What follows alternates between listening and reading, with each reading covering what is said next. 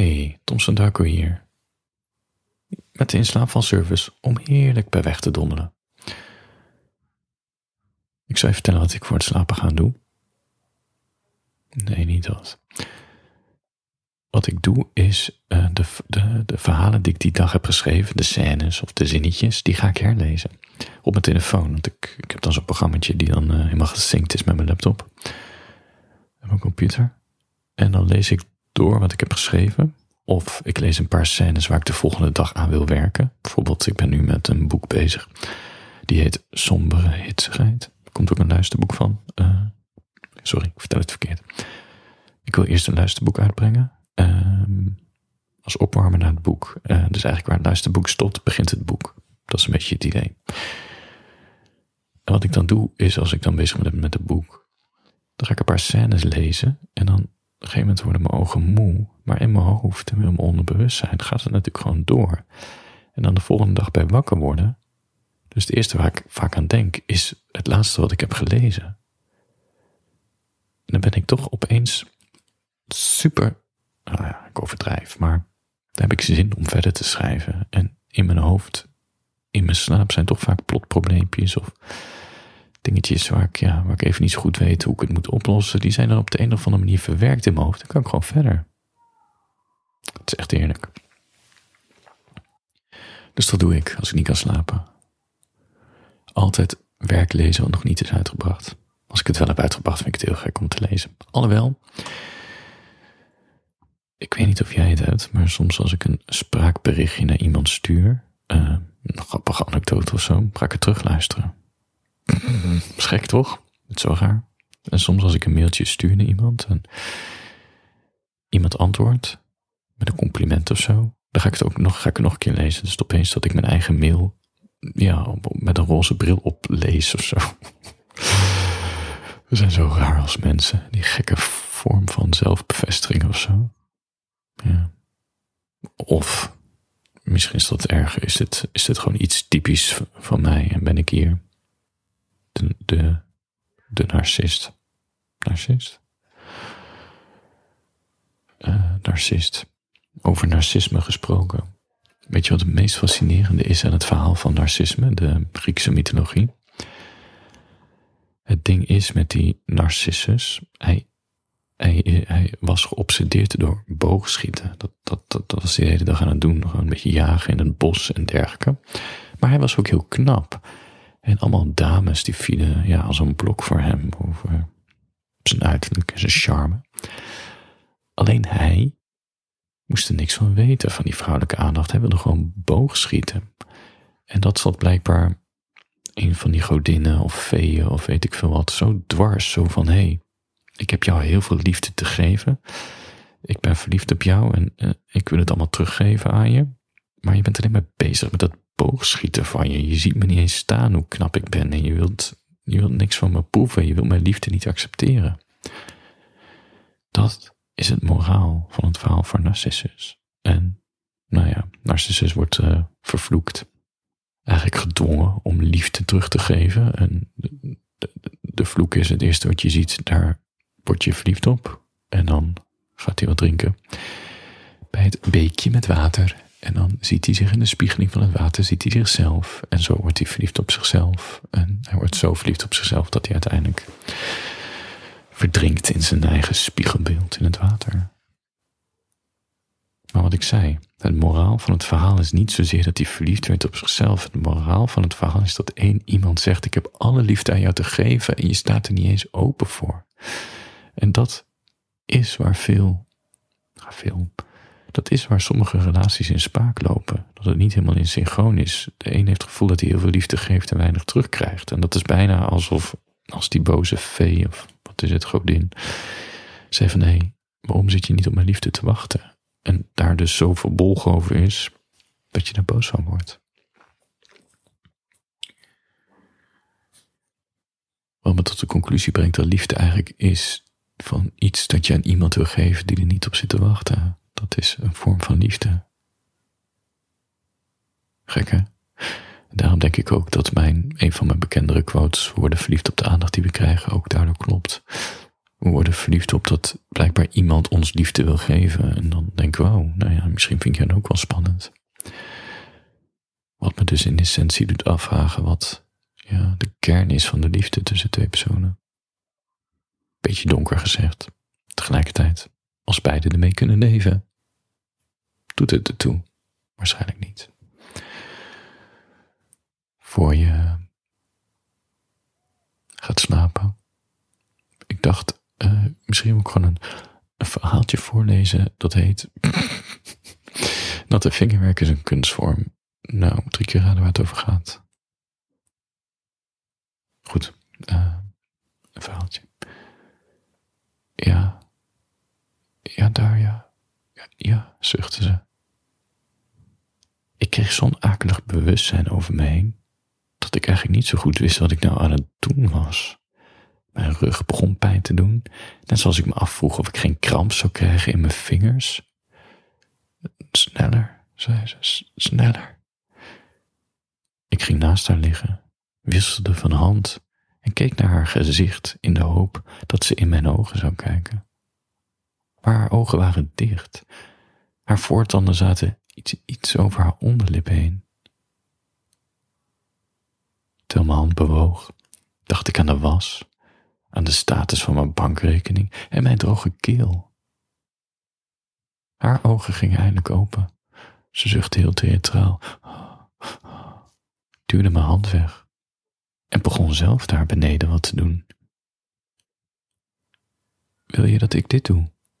Ik kneedde haar linkerborst, maar ze duwde mijn hand weg. Mijn vingers gleden over haar heup. Die duwde ze ook weg. Laat me even, oké? Ze draaide zich om op haar buik, deed haar kont omhoog en deed daaronder iets waar ik alleen maar naar kon gissen wat het was met haar vingers. De kreun kwam. De overburen zouden hem niet gemist kunnen hebben. Daarna begroef ze haar gezicht in het kussen en zei: oh. Ik vroeg nog: Wat? En ze zei op zo'n toon: Lekker. Daarna ging ze op haar rug liggen, pakte haar telefoon en begon met iemand te appen. Gaat het? vroeg ik. Ik, ik dacht wat te voelen bij je, maar ik weet niet.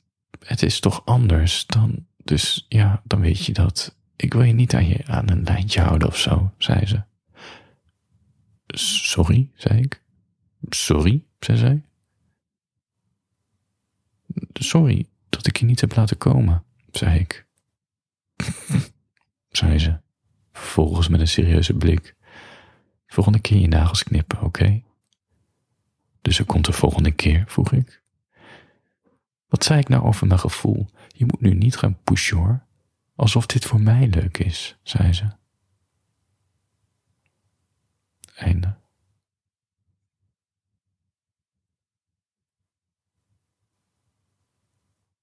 Ik zit even te denken wanneer ik dit verhaaltje heb geschreven.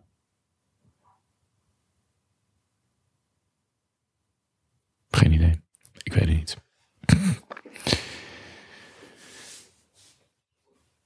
voor je gaat slapen. In mijn, uh, ik denk in de brugklas, begin toch een beetje naar, in ieder geval die jongens dan, ik, begin toch naar het andere geslacht te kijken. En, en die lichamen van die vrouwen, die ontwikkelen zich natuurlijk wat, wat, ja, wat explicieter dan die jongens. Weet je, die jongens kregen ook al een baard in de keel. En wat haartjes, maar je zag bij de ene nog een babyface en de ander niet. En met de vrouwen leek het, leek het wat sneller te gaan, maar ook dat wisselde per persoon. En op een gegeven moment hoor je in die brugklas natuurlijk verhalen van meiden vooral, die met oudere jongens een relatie kregen en dan ook voor de eerste keer seks hadden. En dat was natuurlijk rete spannend, dat je dacht, oh, oh, dus die mensen hebben al seks en oké. En ook van, want nou ja, hoe oud ben je in de brugklas? 13, 14? Van die meiden die dan jongens, ja, relatie hadden met jongens van 19 of 20 die al een auto hadden en, of een scooter. En,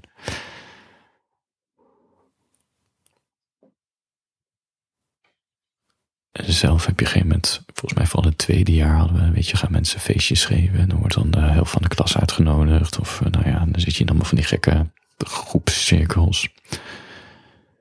Waar het vooral de bedoeling is bij die feestjes dat er vooral heel veel mensen komen. Dan ga je een beetje met de meiden om. Een, een vriend van me, die, die ging wat verder, weet je. Ik denk dat, dat, dat het clipje waar ik bij hoorde, die waren zo groen als maar kon. Ja, een beetje zoenen, weet je, op de dansvloer, maar dan was het wel. Maar hij ging met een meisje mee, uh, ja, hangen, hoe heet dat? Het was gewoon met een paar mensen. En hij ging dan naar de slaapkamer toe met haar en een beetje zoenen. En dan mocht hij zo met zijn hand, ging hij zo tussen haar benen. En dat, dat mocht. En ze begeleiden hem waar ze dan aangeraakt wilde worden. En hij had natuurlijk geen flauw idee wat hij aan het doen was. En op een gegeven moment legde ze haar hand op zijn hand en hielp hem om klaar te komen. Dit verhaal was natuurlijk wel spannend om te horen van uw vriend. Maar wat, wat me nog altijd bij is gebleven, en ik denk dat dat misschien ook de, de kern is van mijn schrijversbestaan, of in ieder geval de details die ik in mijn verhalen probeer te doen. Dat is een beetje het ongemak, maar ook die details, ja, die je niet zo snel terug ziet komen. Dat was dat hij zei van ja, wij zijn er af, nou, hij wist hem niet wat hij aan het doen was. En het was dat zij klaar kwam. Maar hij zei, mijn vingers waren, de huid op mijn vingers waren helemaal verrimpeld door, uh, door het vocht van haar kut. Dat vond ik zo'n mooi detail. Ja, ik weet niet. Er zit dus iets van poëzie in of zo. Ik vind het echt erotisch. Misschien vond ik dat nog wel het meest interessante aan zijn verhaal. Verschrompelde vingers. Dat je dat voor je eerste keer, weet je, daar denk je niet over na als jongen, dat dat uh, een mogelijkheid is. Dat je dat dan ervaart. Ik heb dit, dit detail nog nooit verwerkt in een verhaal, maar zou het wel eens een keertje willen doen.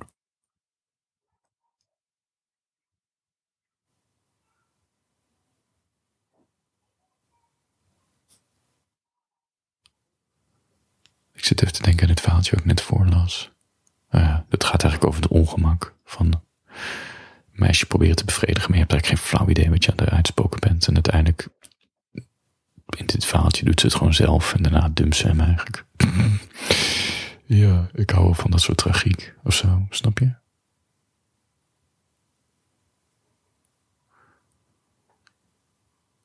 Ja.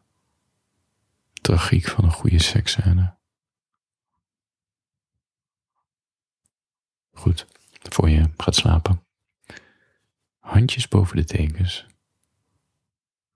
Ik ben er uh, drie keer in de week. Dat ik druk bezig ben met een luisterboek en een boek. Sombere Hitsigheid gaat beide heten. Er zal uh, nog wel een titel aan toegevoegd worden. Ik heb de, ja, ja ik doe alles zelf. Um, en met tijd, ja, ik heb ook maar beperkte tijd in de dag om alles te doen. Het is best wel veel. Dus ik dacht, oké, het spijt me zeer. Maar ik ga deze inslaapvalberichten terugbrengen naar drie keer in de week. Kan je het gewoon nog een keer luisteren als je nu ondertussen al weggedommeld bent. Snap je? Of gewoon nog een keertje. Voor de leuk. Voor de leuk. Hè? Ja. Dankjewel voor luisteren. Dat sowieso. Slaap lekker.